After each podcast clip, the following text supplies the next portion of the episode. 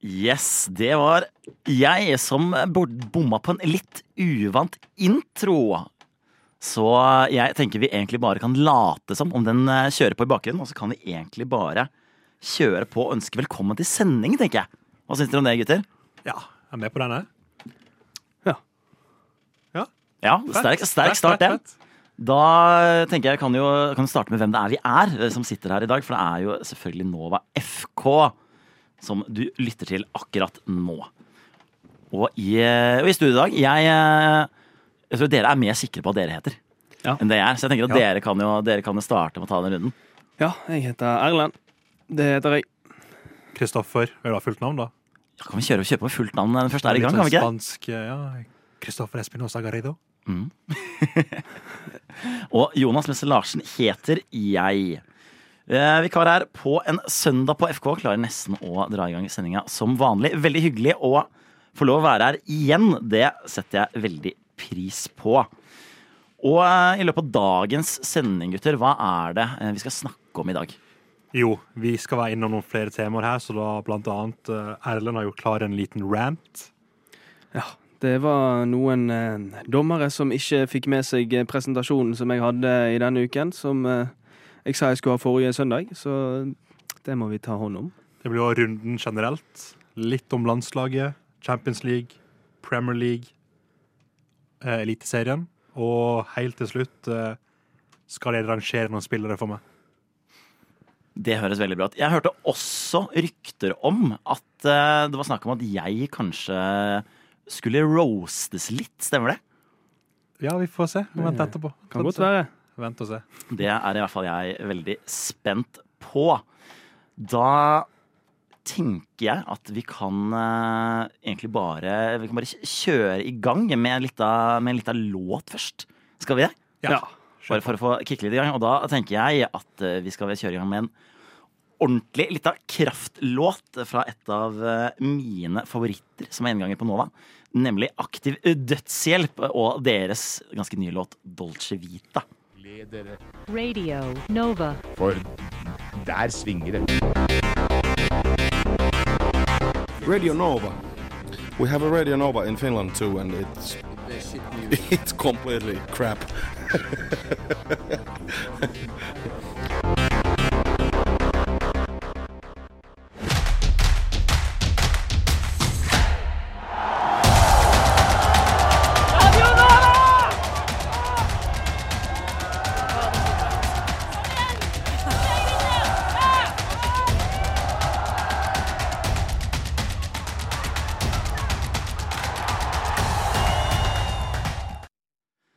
Det er søndag, du lytter til Nova FK her på Radio Nova, og nå skal vi over til Erlend og en liten eh, en liten rant, eh, en liten uthengning, eller hva det er vi skal kalle det, fordi jeg hører noen rykter om at du er ikke udelt begeistret over eh, dommerprestasjonen under ManU sin siste Champions League-kamp. Eh, nei, det skal det, det er vel å ta det, Da tror jeg du skal ta hardere i, for å si det sånn.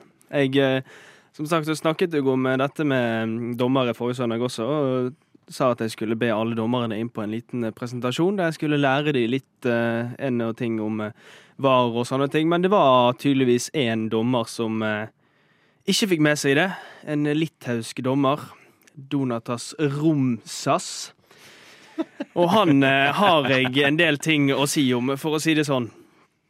Eh, det, det altså, jeg, jeg satt igjen etter Champions League-kampen eh, eh, København mot United, og jeg, eh, jeg var helt eh, målløs. For jeg, jeg, jeg skjønte Du, du, var, du var målløs, litt Ja. som United var i store deler av den kampen. Ja.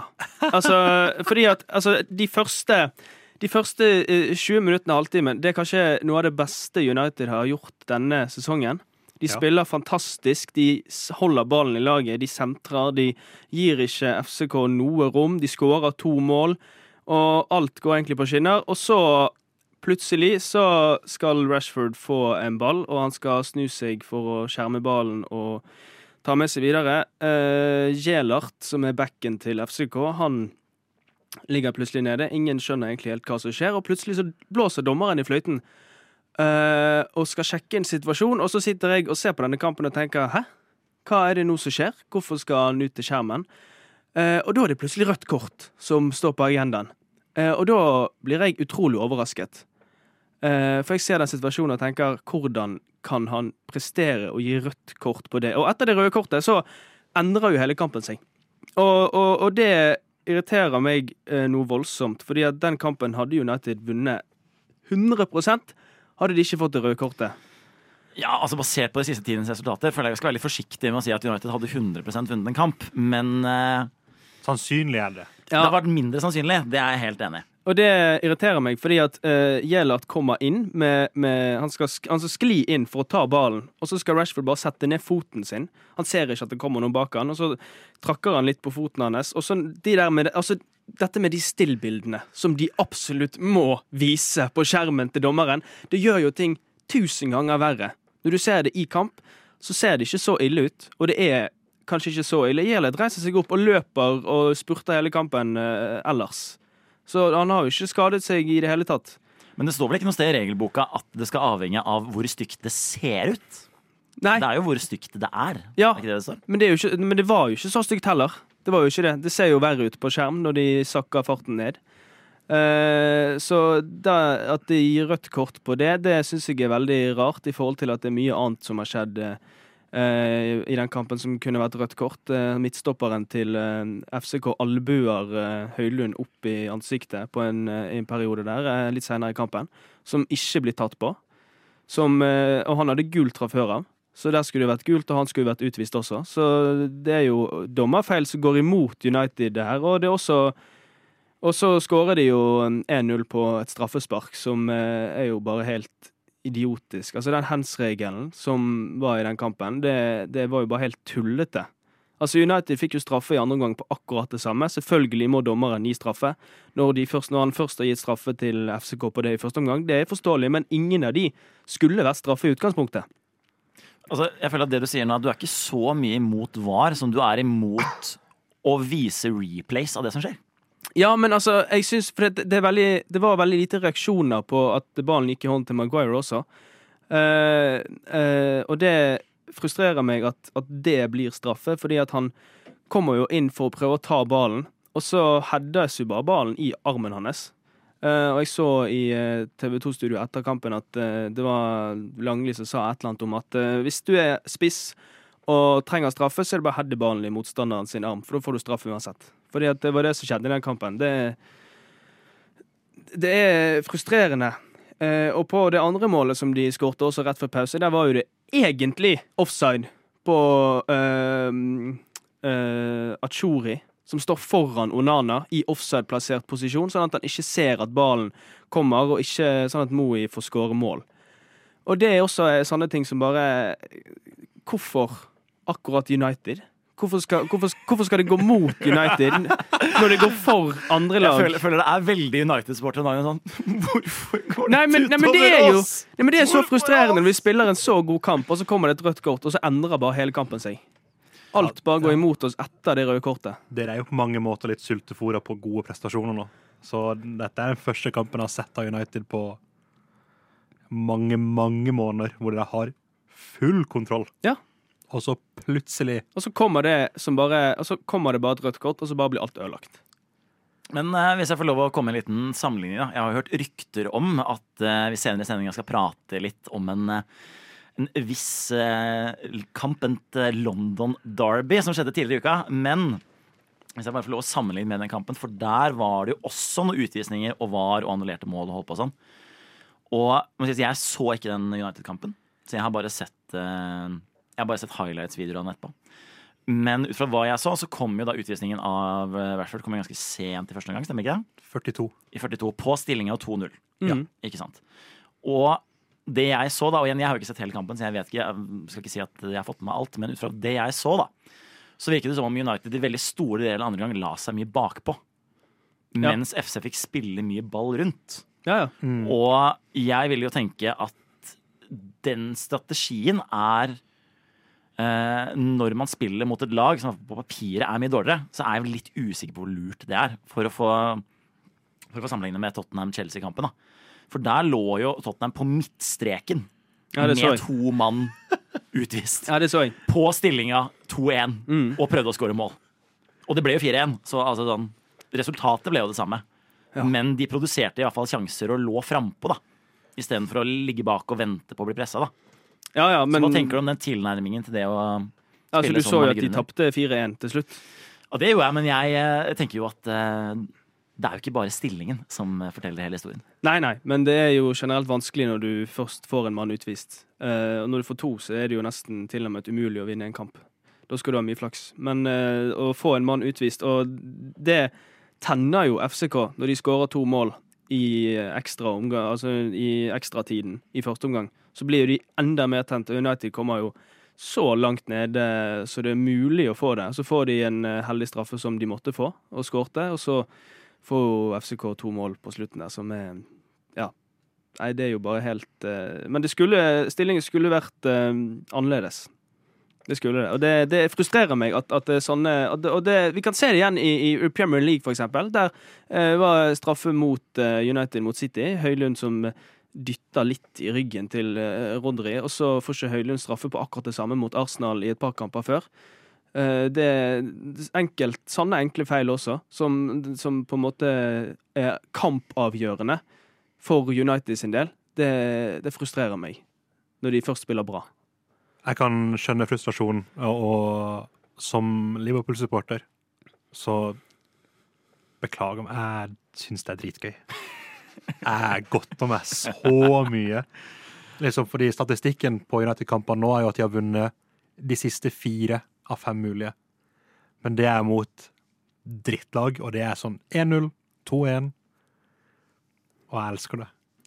Altså jeg tenker vel Det er vel to ting vi kan konkludere med at eh, de fleste fotballfans er enige nå. Det ene er at VAR-reglene, måten å håndheves på, er veldig utydelig, og ingen forstår egentlig hvordan disse reglene skal håndheves. Ja. Og det andre er at uh, det går litt mot uh, United om dagen, Ja. og det syns de aller fleste andre egentlig er litt morsomt. Yes, velkommen tilbake. Og nå skal vi snakke om den siste uka som har skjedd. Og vi kan jo begynne med kanskje den gøyeste fotballkampen jeg har sett på mange, mange år. Eh, Tottenham-Chelsea på mandag hadde to røde kort, fem annullerte mål, straffespark, og det endte 4-1 med en spiss som skårte hat trick. Kanskje den dårligste hat tricken jeg har sett noen gang. Og likevel klarte han å underprestere på expected goals. Det, det Og så avslutta han med å feire og ta en Ronaldo-feiring Åh, etterpå. Det er, no shame. det er det No jeg har sett i er nyere tid. Men ja, ehm, dette var jo på mange måter en uh, Battle of the Bridge-sequel. sequel. Og Battle of the Bridge var jo en kamp fra 2015. Det var 16? 2016-sesongen, for det var jo da Alle husker jo Leicester Ja. fra det året der. Men Tottenham var jo på andreplass kom på andreplass denne sesongen og lå ganske tett opp og kniva ganske lenge. Og det var jo i tillegg så var jo det um, den sesongen der gikk det veldig dårlig med Chelsea. Jeg tror Ja. de havna på, de havna på syvende- syvendeplass. det var da Mourinho fikk fyken. Og Chelsea hadde jo da i den kampen, det var, ganske sent i sesongen, Chelsea hadde ingenting å spille for. Ingenting. Ingenting å spille for. Det eneste de skulle gjøre, var å hindre at Tottenham kunne vinne, vinne tittelen.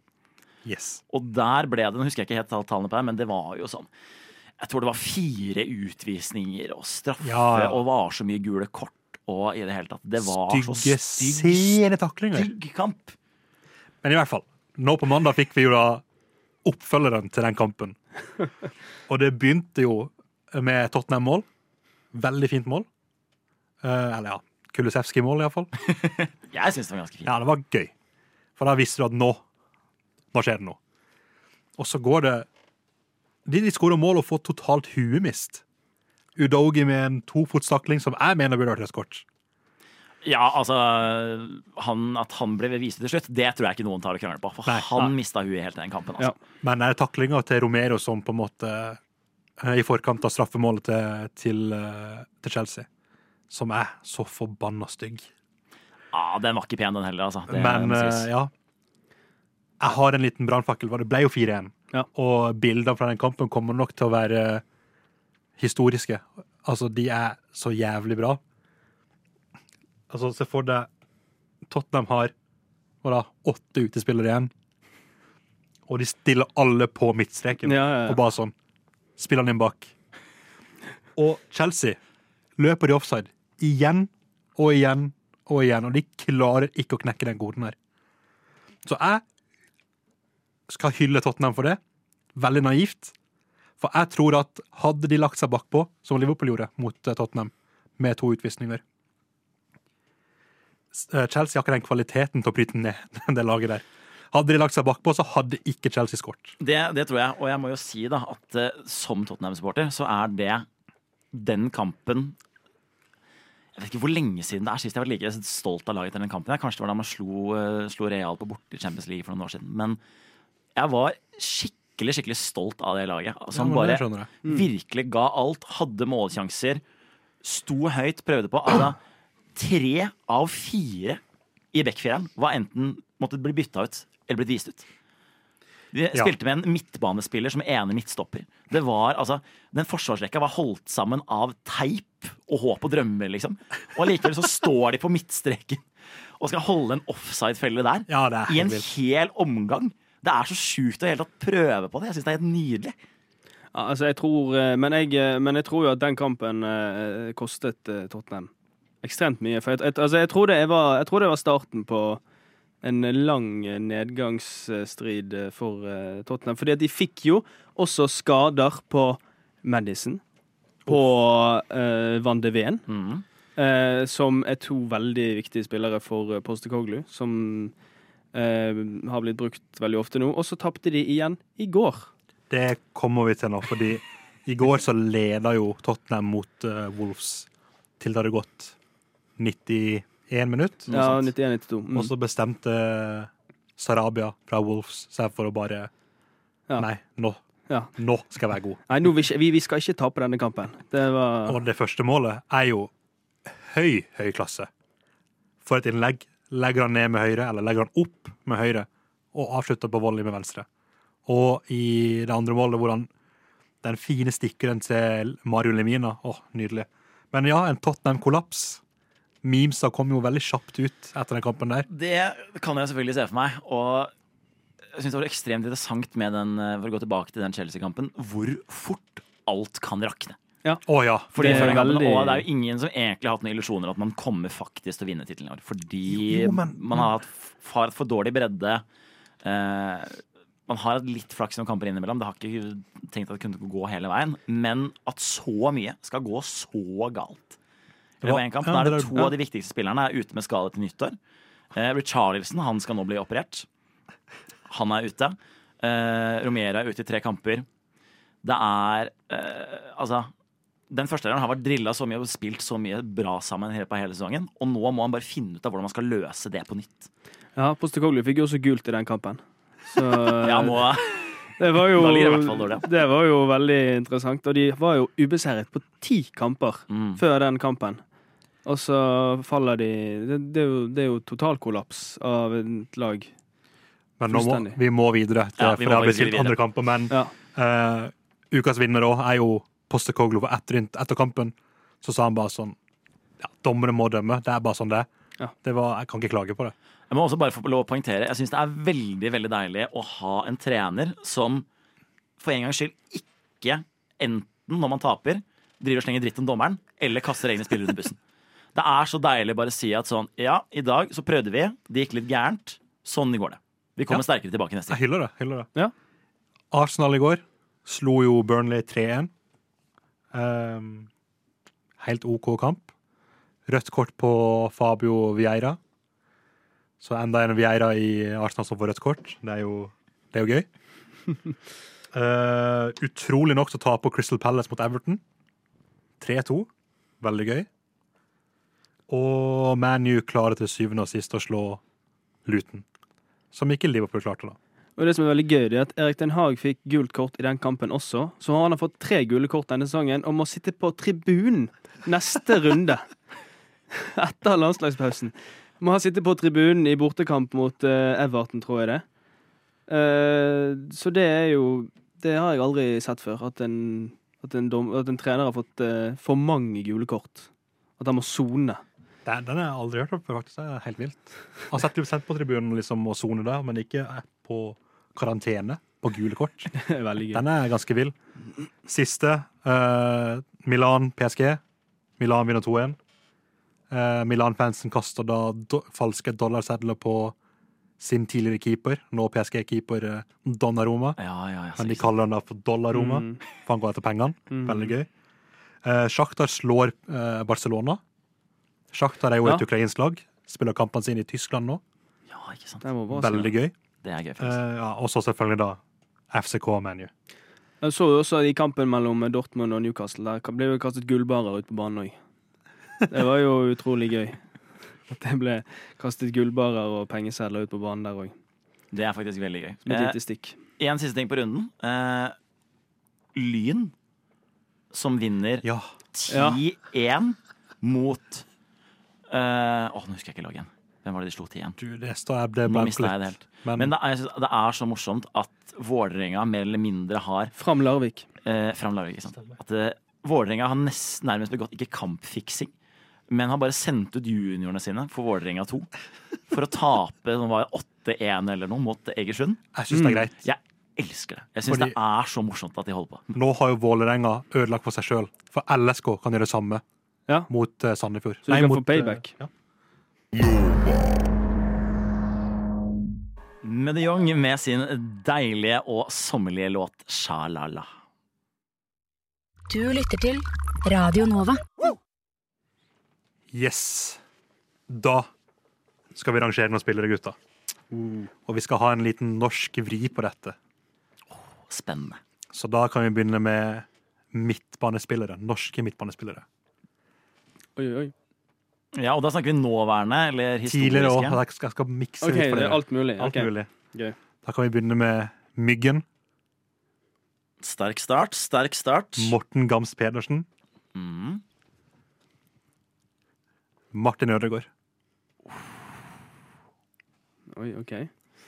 Ok, det er jo en solid start. Um, jeg må jo si det at selvfølgelig, jeg føler jo det er alltid tar det ofte litt i fordel for tidligere spillere, siden karrieren deres er ferdig, så vi vet liksom hva de har oppnådd hva de har fått til. Ja. Så med det i mente så tror jeg at jeg vil da rangere førsteplass Myggen.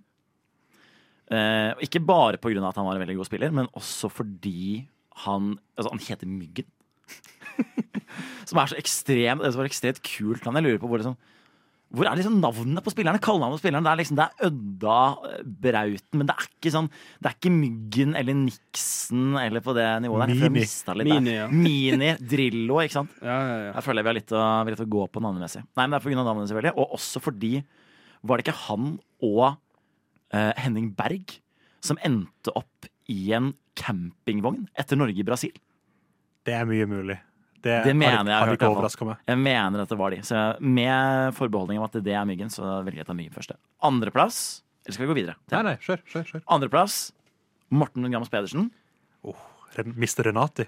Mr. Renati, og det er nettopp ho- hovedsakelig pga. det. Altså, han var jo god for Blackburn og, og landslaget også, selvfølgelig. Veldig bra Veldig god frispark, veldig bra dødballfot. Men eh, Jeg vet ikke hvordan det er med dere, men i hvert fall jeg, eh, og for min liksom på en måte sånn ungdomsskolegenerasjon, av en eller annen grunn, vi prøvde alle sammen å se ut som Morten Gams Pedersen. Ja, ja, Seff. Vi hadde også en halv boks Renati hårgelé i håret. Oi. Til enhver tid. Jeg har sett noen skolebilder, og sånn, og det er, det er ikke bra. Altså. Og jeg velger å skylde på Morten Gams Pedersen for det. Og du, Erlend? Ja, da, regner jeg med at Ødegaard er sist, da. Ødegaard er sist. Uh, veldig god spiller, selvfølgelig. Godt mulig han kommer til å bli den beste norske midtbanespilleren gjennom historien, men han har mye igjen å gå på, og han spiller for Arsenal. Så det Yes, trekker jeg visste den kom. Visste den kom.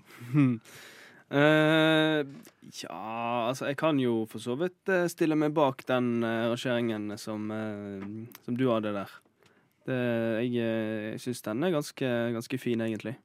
Med tanke på hva spilleren har fått til. Og, altså, Ødegaard er jo en god spiller, men han foreløpig har ikke han på en måte fått til sånn kjempemye. Han er kaptein på landslaget og sånne ting, men på en måte, altså, Norge er jo ikke så mye å skryte av.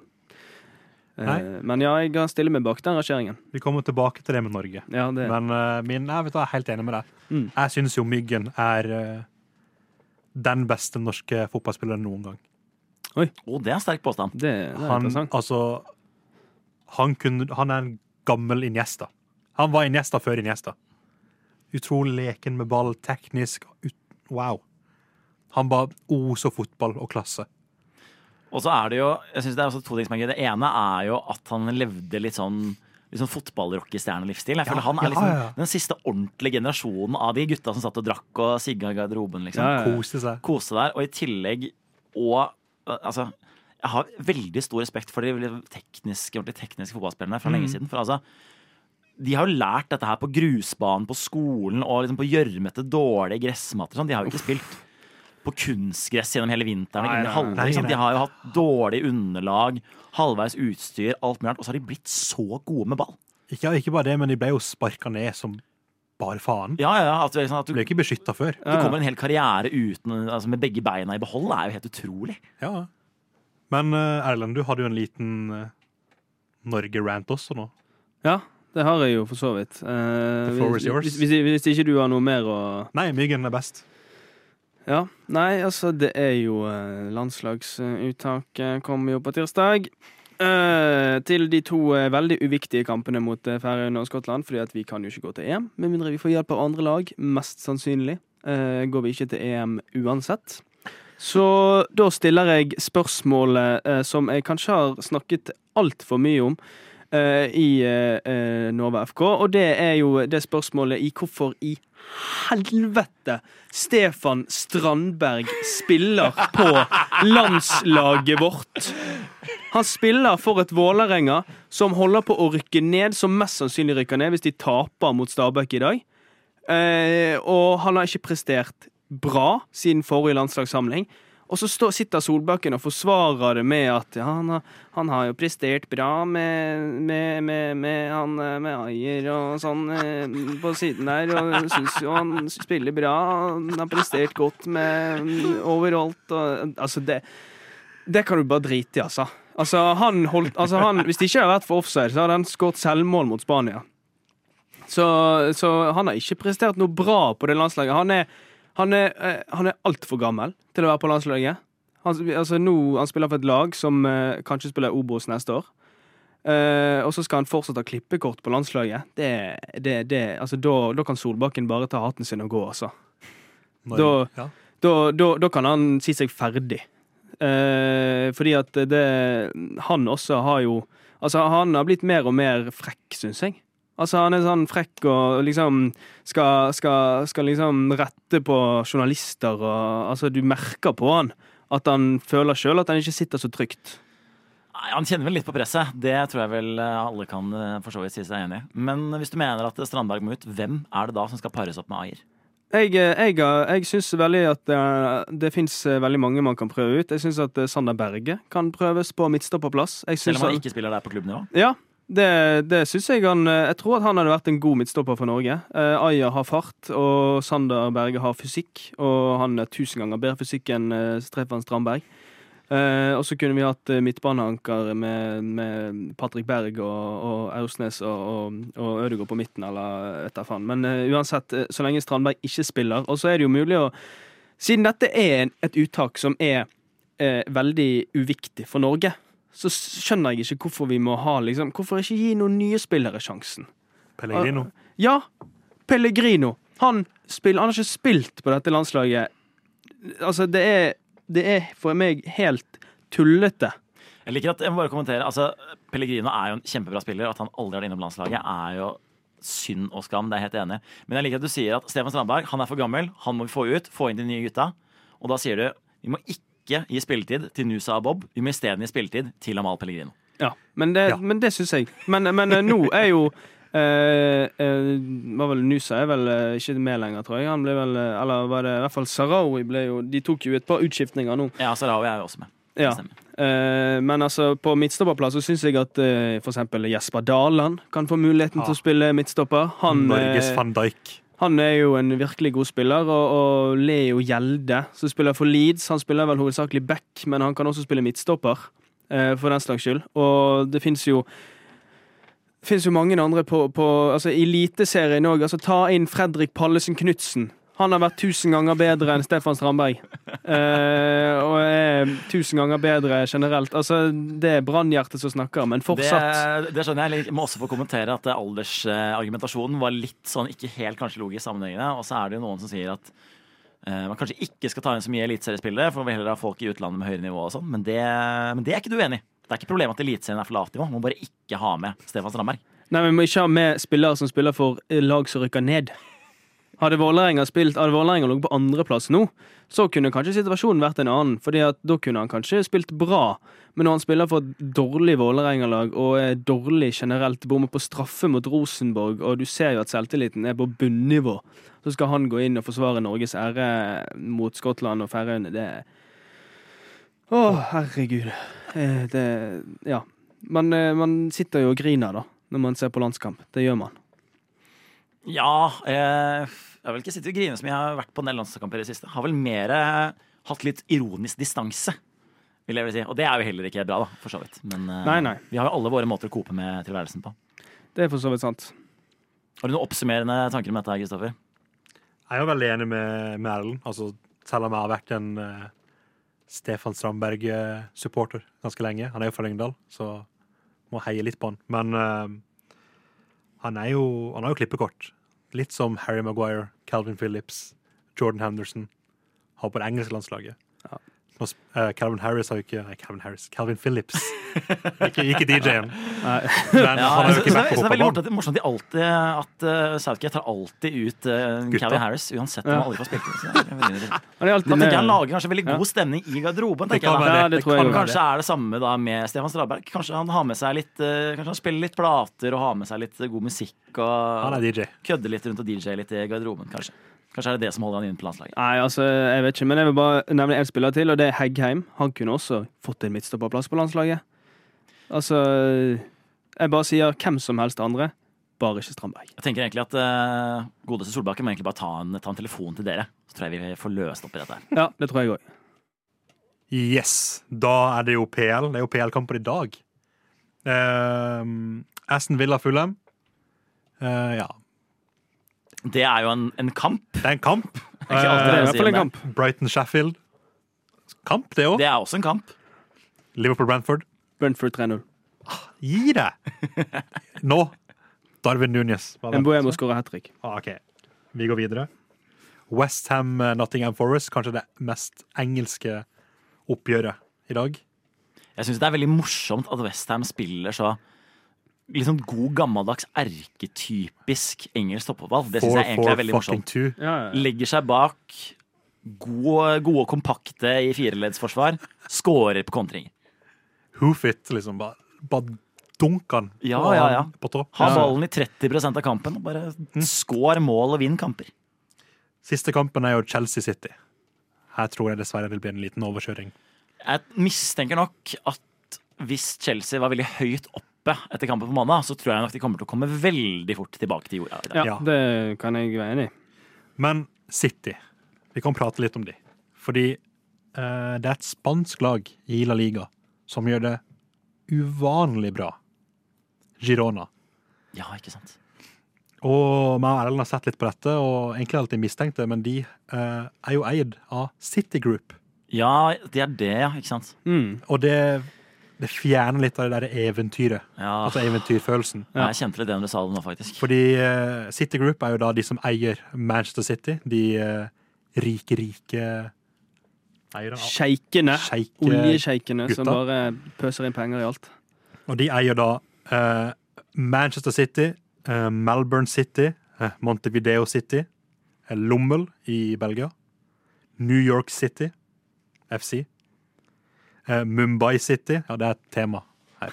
Jeg begynner å mistenke at det er noe som går i den her. Eh, ja. Girona, eh, Sichuan Jinjui, eh, Kina, hvis du lurte, og Yokohama Marinos, det er i Japan. Mm. Og Troyes i Frankrike. Yes. Sa jeg sikkert det. Ja, Jeg tror det er akkurat sånn det uttales på fransk. Superfeil. Men Oh, eh, yes. ja. Uh, ja. De Hva kan man kalle det?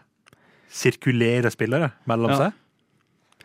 Ja, altså når man snakker om penger i fotballen, dette er jo egentlig bare stordriftsfordelere satt inn i et annet system. For det er klart at eh, når disse klubbene kan samarbeide om eh, speidernettverk, analyse, eh, når de kan sende spillere rundt omkring på lån Ja, eller ja, på overganger. Altså, Og billige overganger òg. ja, ja, man kan jo se hvor mye, hvor mye Leipzig hvor mye de har tjent på at de egentlig bare kan farme Salzburg. Ja, men det er jo akkurat det. Og ha, først, og ha førsterett på spillere Ja. derfra. Ja, ja. Altså, det er jo Det hjelper jo helt enormt, for du får jo da spillere som kan utvikle seg, få spilletid på lavere nivå eller i andre ligaer, andre klubber. Og så bare når de er gode nok, kan bare sende de rett over. Ja, det er jo, det er jo altså det, Vi snakket litt om det. Det er litt som, eh, er litt som sånn eh, eh, skal til å si sånn akademifotball, kan man si. Litt sånn akademirangering. At uh, City er A-laget, da. Og så kommer du opp til B-laget Girona eller et eller annet sånt, og så på en måte spiller du på akademiene under, sånn Troyes og i Melbourne. Og så har de liksom akademier i mange steder i verden som du på en måte Kommer du dit, så kan du bli oppdaget, og så plutselig er du på City, Manchester City, liksom. Og, og derfra går veien opp. Og vi ser jo det er mange spillere som spiller i Girona, er jo eks-City-spillere eller på utlån, og de låner ut spillere seg imellom, og alt mulig. Og alle ender opp i City til slutt. Hvis de er gode nok. Hvis de er gode nok. Men det må det sies da at eh, Liverpool gjorde jo også litt det samme her en periode med Southampton. Ja, ja. Ja, ja, ja. Det, Så det er jo ikke, det er ikke første gang folk bruker denne modellen her. Vi ble jo da robba, for vi kjøpte jo uh, Ricky Lambert, Nathaniel Klein, LaLana. Lalana, uh, Dejan Lovren, og han de henta for å erstatte Dejan Lovren. Van Dijk. Ja. Eh, men Akkurat, akkurat eh, den siste svei dere dere skikkelig mye på. Og Mané kom vel fra Mané, Southampton. Mané, Mm, herregud. Mané. Ja Men, eh, mitt problem da med denne City Group-greia, at dette er en, egentlig en Barcelona i det. Han som uh, er nå direktør i, i City, var direktør i Barcelona. Pitcha ideen til de, og de var litt sånn Hva skal vi med det? Vi har uh, La Masia, altså de sitt akademi. Men uh, plutselig så gikk jo han til, til City, da, sammen med hele trenerstaben til Barcelona og Guardiola inkludert. da. Pitcha han til City, eller til Sheikh Mansour, Mm. og Mhm. plutselig så begynte de å kjøpe opp klubber. Mens de da fikk eh, den der saftige boten til Uefa etter å ha juksa litt med pengene. Ja, den saftige boten som gjør at de endra på måten de drev Ja. fotball på etterpå. Ja, ja, ja. Yes. den saftige boten. Yes, boten. jippi. Det er jo altså Nei, faen, altså. Det, det, det, er, altså jeg skjønner ikke hvordan de hvordan de ikke Altså, hvordan kan Everton få en, en, en bo... Altså, hvordan kan de stå i fare for å bli hva er det, 15 poeng eh, Tolv poeng. 12 poeng i minus for eh, penger Altså for sånn her at de har eh, Ikke altså for sånn eh, skatte... eh, Ja, de går jo-. De kan jo gå så og så mye i minus PR-klubbene i løpet Ja. av tre, en treårsperiode. Og Everton har da overstiget denne, og da Det er ett brudd. Ja. City er tiltalt for 115. Og de står ennå og koser seg på topp og, og, og har det fryd og gammen og alt mulig. Og så er det lille Everton som skal uh, smake på uh, medisin. Altså, det er de som på en måte skal få straffen. Det er altså Altså, vet da faen, altså. Det, det er jo bare helt uh, ufattelig sk Altså, det er skandaløst på et nytt nivå. Ja, ja, men det er jo helt høl i huet at altså, lag som Bolton blir sendt rett ned i divisjonene fordi de har trykket seg litt. Uh, Burry blir basically oppløst Ja, fordi de Bury, ikke har helt det, kontroll. Altså. det var helt krise. Så, altså, sånn relativt små klubber i Ja, ja, sammenhengen, da, hvor altså hele klubben lokalmiljøet går på en måte i dass fordi reglene er så strenge. Og så har du de som er helt på toppen, og de kan bare gjøre akkurat hva de vil. Ja, de, de, altså, de kan kose seg i mange år. De, altså sitter de, de, gjør, altså, de tjener jo masse penger. De, de har jo dritmye penger, så de kan jo bare bestikke Premier League. Det Ja, men, de er jo, men de er jo på et høyere nivå. ikke sant? Fordi altså, for, for City så er det jo egentlig, egentlig ikke FA sine regler som gjelder. For de er på Uefa og Fifa-nivå. ikke sant? Ja, ja, ja. Ja, ikke bare det, men uh, det skader jo ikke Premier League-produktet å straffe Everton. Straffer de City, sender de ned en divisjon eller to, så skader det selve pakka uh, Premier League. Kan ikke bli solgt på samme måte uten Guardiola, De Bruyne, Haaland. Ja, ja, ja. Ikke sant? Og, og alle disse her har jo agenter Ja, som det er- også det er jo- skal ha sin andel, og det er så mye penger og nettverk i omløp at det Ja, vet du hva? Det driter jeg fint i hvis City rykker ned et par divisjoner. Altså, det tenker jeg de har godt av. Fordi at de må kjenne på, de må kjenne på realiteten. Altså, de kan ikke bare pøse rundt seg med masse penger av oljesjeiker i Saudi-Arabia som koser seg, og skal alle andre lag liksom ligge og, og, og knekke ryggen, og så skal de bare ha det flott. Og syns jeg de kan rykke ned et par divisjoner, altså. Ja, vet du hva, Det er jeg absolutt helt enig i. Eh, Vi må komme oss videre i sendinga her. Og når vi gjør det, så tenker jeg at vi skal gjøre det. Altså, vi har sett på en liten låt eh, som jeg hørte rykte om at dere ikke hadde hørt før. Og det tenker jeg at hvis dere er i Nova, så må dere faktisk ha hørt denne låta her. Så nå, eh, kjære venner, skal dere nå få lov å høre låta 'Spleiselag Waldorfsalat' av Tønnes. Du Du Du hø hø hører på. på Radio Nova. Det var Tønnes med 'Spleiselag Waldorfsalat'. Nydelig. Da snakker vi FPL, Fantasy Premier League. Men det er vel mer et mareritt for sånne som meg og deg. Jeg, eh, det er et levende mareritt å spille fantasy om dagen. Det går veldig bra i norsk fantasy, ræva i engelsk fantasy. Det kan man trygt si. Jeg kan jo si at mitt fantasylag sånn tirsdag-onsdag, da hadde jeg en totalt sum av seks spillere, enten skadet eller utvist. Oi, Oi, oi. Hvor mye poeng fikk du sammenlagt? Uh, ja, ikke mye, for jeg hadde jo da uh, Altså, jeg hadde jo Udogi og Madison Ja. Mm. som var ute. Da hadde jeg Ødda som var ute. Uh, Gusto fra Chelsea. Uh, Anderson var han helt fra Newcastle, og én til. Alle de var skada eller utvist. Ja, det er Så det sant. går ikke, går ikke så bra. Går ikke så bra med meg der. Nei, det går i hvert fall ikke like dårlig som det går med meg, for jeg ligger sist.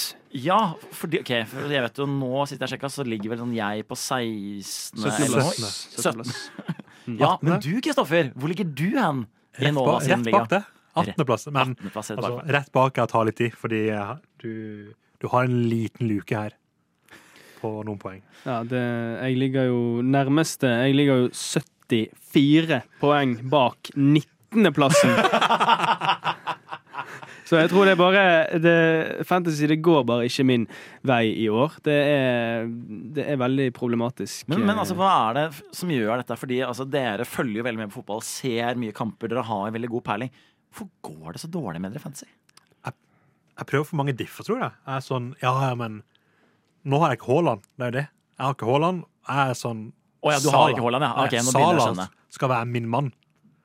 Sala er mannen min. Men jeg har Haaland.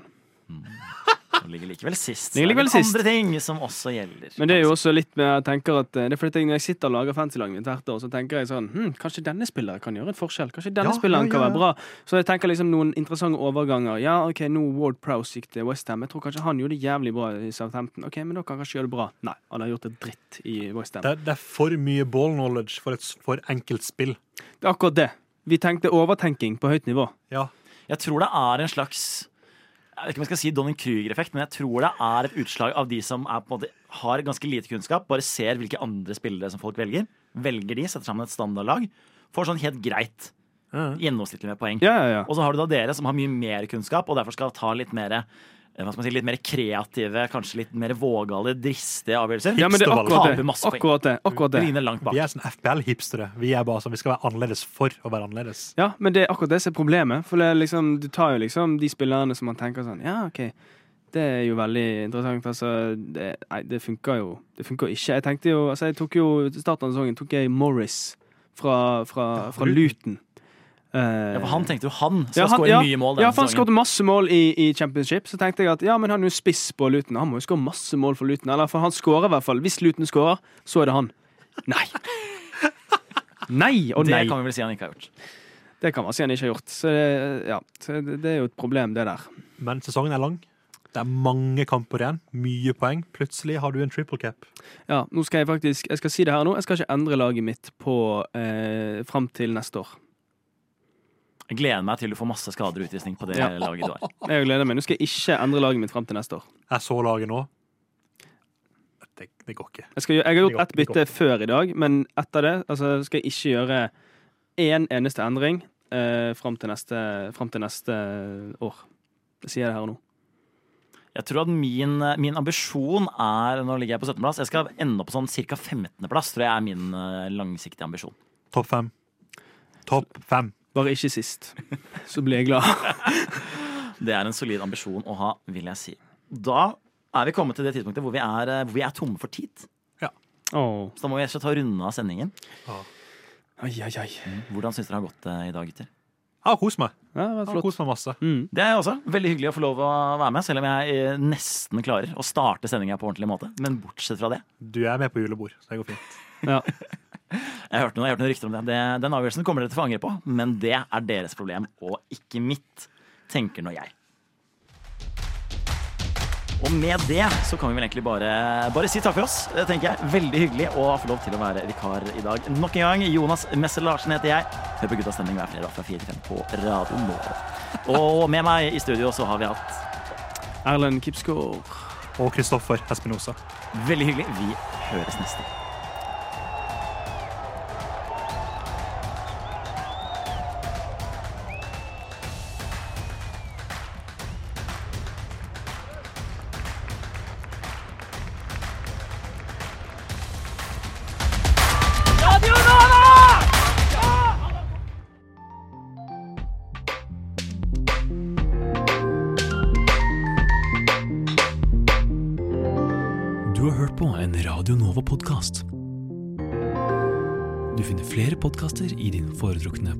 podkastavspiller eller på vår hjemmeside radionova.no.